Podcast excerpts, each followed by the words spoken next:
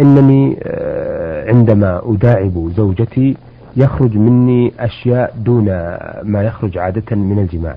فهل يعتبر جنابة أو ناقضا للوضوء؟ وفقكم الله. الحمد لله رب العالمين والصلاة والسلام على نبينا محمد وعلى آله وأصحابه أجمعين. هذا الذي يخرج منك عند الملامسة والمداعبة وتكرار النظر لشهوة لا يعتبر منيا لأن المني هو الذي يخرج دفقا بلذة وهو غليظ ويحس الإنسان به عند خروجه إحساسا خاصا. ولكن مثل هذا السائل الذي يخرج أقرب ما يكون مذيا والمذي لا يوجب الغسل وإنما يوجب غسل الذكر والأنثيين.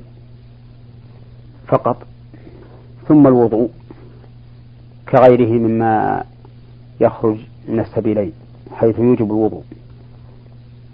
فالمذي يوجب غسل الذكر والأنثيين وإن لم يصبهما ويوجب الوضوء أيضا. وقد ذكر أهل العلم أن الذي يخرج من الذكر أربعة أنواع. البول وهو معروف والودي وهو ماء أبيض يخرج عند انتهاء البول والمذي وهو ماء لزج يخرج عقب الشهوة بدون أن يحس به الرجل والمني وهو هذا الماء الدافق الذي يخرج بلذة وبإحساس مخصوص نعم. وهذه الأنواع لكل واحد منها حكم. أما البول والودي فهما نجسان يوجبان غسل ما أصابه شيء منهما ويوجبان الوضوء أيضا. وأما المذي فإنه نجس لكن نجاسته خفيفة يجزئ فيه النضح. فيما أصابه منه ينضح بالماء. نعم. ويوجب غسل الذكر والأنثيين وإن لم يصبهما شيء منه ويوجب الوضوء. وأما المني فإنه طاهر ويوجب الغسل لجميع البدن. وقد كان النبي صلى الله عليه وسلم يغسل رطبه ويفرك يابسه. نعم. تفركه عائشة وتغسله عائشة رضي الله عنها نعم. آه عبد البر صالح الصالح من الرياض بعث بهذه الوريقة يقول آه حضرة الشيخ المجيب في برنامج نور على الدرب السلام عليكم ورحمة الله وبركاته وبعد آه أن آه يقول أن وقت ذبح الهدي آه كما عرفت في سنوات ماضية لأنني حججت أكثر من سنة يبتدئ يوم العيد وهناك بعض الحجاج يذبحون هديهم قبل يوم العيد محتجين بقول بعض العلماء. آه، فهل يجزئهم ذلك؟ آه، أو آه، نأمرهم بالإعادة؟ وإذا كان يجزئهم ذلك فإننا نود أن نذبح معهم لنتخلص من مشاكل يوم العيد فما بعده. لا يجوز الإنسان أن يذبح هديه قبل يوم النحر. فيوم النحر هو المعد للنحر وكذلك الأيام الثلاثة بعده. ولو كان ذبح الهدي جائزا قبل يوم العيد لفعله النبي صلى الله عليه وسلم حينما أمر أصحابه أن يحلوا من العمرة. من لم يكن معه هدي. وأما هو صلى الله عليه وسلم فقال إن معي الهدي فلا أحل حتى أنحر. نعم. فلو كان النحر قبل يوم العيد جائزا لنحر النبي صلى الله عليه وسلم في ذلك اليوم لأجل أن يطمئن أصحابه في التحلل من العمرة ولأجل أن يتحلل هو أيضا معهم لأنه قال لو استقبلت من أمري ما استدبرت ما سقت الهدي ولا أحلت معكم. وامتناع الرسول عليه الصلاة والسلام من ذبح هديه في قبل يوم النحر مع دعاء الحاجة إليه دليل على أنه لا يجوز. والذين يفتون بهذا يقيسونه على الصوم. في من لم يجد الهدي نعم. فإنه يجوز له أن يقدم صومه قبل يوم النحر. ولكن هذا ليس شبيها به لأن الصوم كما قال الله عز وجل فيه ثلاثة فصيام ثلاثة فصيام ثلاثة أيام في الحج. وهو إذا شرع في العمرة فكأنما شرع في الحج يعني المتمتع. نعم. لقول النبي صلى الله عليه وسلم دخلت العمرة في الحج. ولهذا يجوز للمتمتع الذي لا يجد الهدي أن يصوم ثلاثة أيام من حين إحرامه بالعمرة وإلى آخر أيام التشريق ما عدا يوم النحر. وعلى هذا فنقول إن القياس هنا قياس في مقابلة النص فهو وهو أيضا قياس مع الفارق. نعم. فلا تتم فيه أركان القياس. نعم.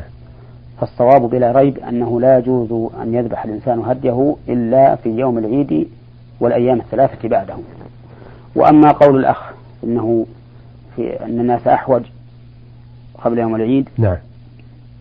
فنقول له من الممكن أن تذبح الهدي في مكة إما في يوم العيد أو في الحادي عشر أو في الثاني عشر أو في الثالث عشر وفي مكة تجد من يأخذه وينتفع به.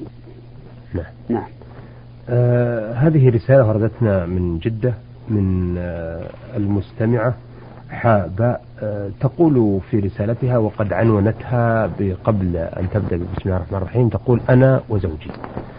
آه نحن أسرة آه نتكون من أو نحن أسرة مغتربة من ثمان سنوات ولنا ثلاث أطفال وزوجي من النوع الذي يتصرف وكأنه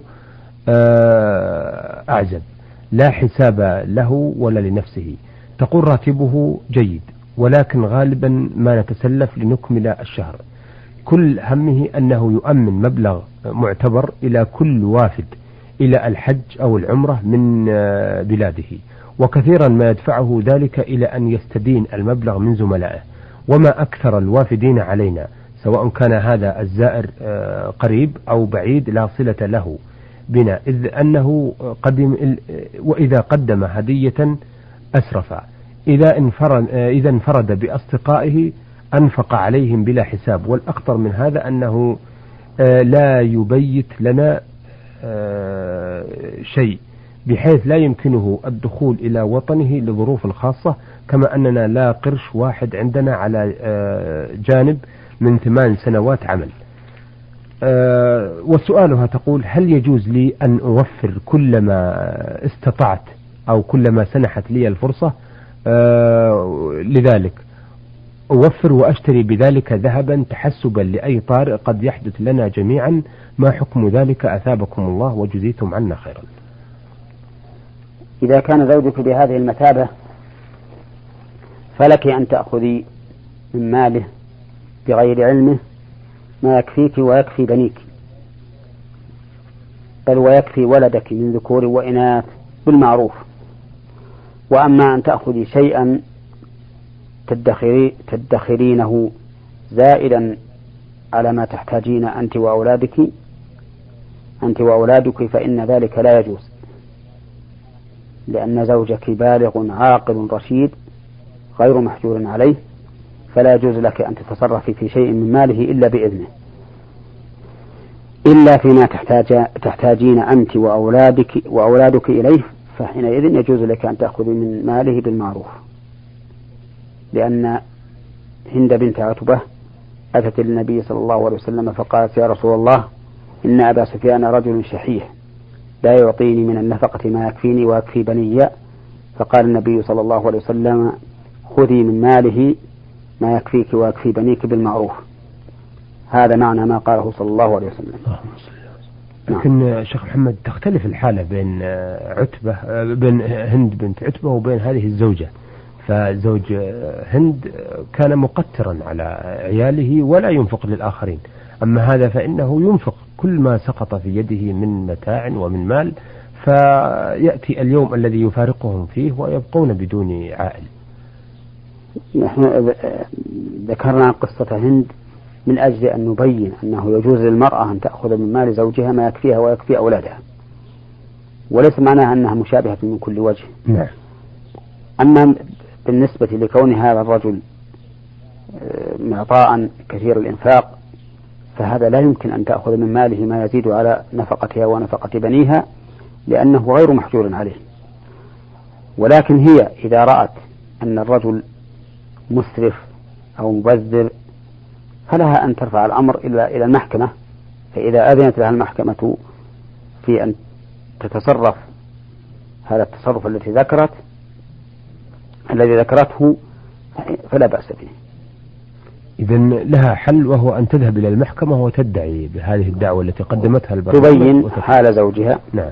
نعم.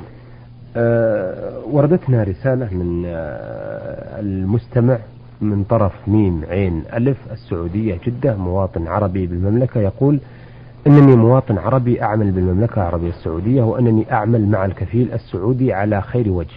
ومنذ فترة جاءتني فرصة عمل خارجية أي بعيدا عن المؤسسة ونتج عن عملي هذا أننا أنني حصلت على أجر. وهذا بغير علم الكفيل ويعلم الله أنني كنت محتاجا إلى هذا المبلغ. فإنني أتساءل هل هذا المبلغ الذي حصلت عليه حرام؟ مع العلم أن هناك آه، شرطا آه، من شروط التعاقد يقول بعدم العمل لدى الغير بأجر أو بدون أجر. أفيدوني وفقكم الله إلى هداية المسلمين. نقول ما دام بينك وبين كفيلك شرط وهو أن لا تعمل عند غيره بأجر ولا بغيره فإنه لا يجوز لك أن تعمل عند غيره بأجر. نعم. فإن فعلت فهو محرم عليك ويجب عليك في مثل الحال أن تبلغ كفيلك بما فعلت لأن فعلك هذا مناف لقول الله تعالى يا أيها الذين آمنوا أوفوا بالعقود والأمر بالوفاء بالعقود أمر بالوفاء بأصلها ووصفها وهو الشروط التي اشترط فيها إذا لم يكن مخالفا لكتاب الله وسنة رسوله صلى الله عليه وسلم نعم. فالواجب عليك إذن مراجعة كفيلك في هذا الأمر. نعم. آه هذه الرسالة وردتنا من المستمع آه، محمد آه، المستمع عدنان سعدي دهوك من العراق. آه، في الحقيقة نشكرك يا أخ عدنان على رسالتك وما تحمل من ود وإعجاب ونرجو أن نكون عند حسن الظن. وفقك الله وزادك حرصا. يقول ماذا أقول حين أنام؟ حين أنام؟ إيه نعم يعني عند النوم. نعم. تقول عند النوم ما جاءت به السنة عن رسول الله صلى الله عليه وسلم ومنه إذا آويت إلى فراشك أن تقرأ آية الكرسي وهي قوله تعالى الله لا إله إلا هو الحي القيوم لا تأخذه سنة ولا نوم له ما في السماوات وما في الأرض من ذا الذي يشفع عنده إلا بإذنه يعلم ما بين أيديهم وما خلفهم ولا يحيطون بشيء من علمه إلا بما شاء وسع كرسيه السماوات والأرض ولا يؤوده حفظهما وهو العلي العظيم. وتنفذ على وجهك ورأسك وما استطعت من بدنك تنفث بيديك وتمسح بذلك ما استطعت من بدنك يقول هو الله أحد والمعوذتين. وتقول أيضا اللهم بك وضعت جنبي وبك أرفعه. فإن أمسكت روحي فاغفر لها وارحمها وإن أرسلتها فاحفظها بما تحفظ به عبادك الصالحين. وكذلك أيضا تقول سبحان الله والحمد لله ولا إله إلا الله والله أكبر ثلاثا وثلاثين. إلى غير ذلك مما هو معروف. وإذا شئت أن تزداد من هذا فاقرأ كتاب الأذكار للنووي وكتاب رياض الصالحين وكتاب الكلام الطيب للشيخ الإسلام ابن تيمية ولا سيما صحيحه الذي صححه الشيخ الألباني. وهي كتب وهي كتب معروفة ولله الحمد. نعم. آه، أيضا يقول عندي أخ كلامه متقطع فهل يمكن أن أعلمه قراءة قرآن القرآن الكريم؟ أي نعم. آه يجوز أن تعلمه وإن كان يتقطع كلامه بقول الله تعالى فاتقوا الله ما استطعتم. نعم. سؤاله الأخير والأخير في لقائنا هذا يقول هل ممكن أن أصلي صلاة جماعة في البيت مع أخوتي بدل أن أذهب إلى المسجد؟ الصحيح من أقوال أهل العلم أنه لا يجوز لك أن تصلي في بيتك جماعة بل لا بد أن تذهب إلى المسجد لأن النبي صلى الله عليه وسلم يقول لقد هممت أن آمر بالصلاة فتقام ثم آمر رجلا فيصلي بالناس ثم أنطلق معي برجال معهم حزم من حطب إلى قوم لا يشهدون الجماعة فأحرق عليهم بيوتهم بالنار. ولم يستفصل أو ولم يفصل الرسول عليه الصلاة والسلام في هؤلاء القوم الذين يتخلفوا عن الصلاة لم يفصل هل كانوا يصلون جماعة وحدهم أو يصلون فرادى. فالواجب أن يصلي الإنسان الجماعة في, في المساجد التي بنيت لذلك. نعم. نعم لو فرض أنه نسي أو لم يسمع الأذان أو ما أشبه ذلك حتى غلب على ظنه أن الناس قد خرجوا من المسجد فله أن يصلي مع جماعة في بيته. نعم, نعم. شكرا أثابكم الله. أيها المستمعون الكرام إلى هنا نأتي إلى نهاية لقائنا هذا الذي عرضنا فيه رسائل السادة. المواطن العراقي عين يا عين.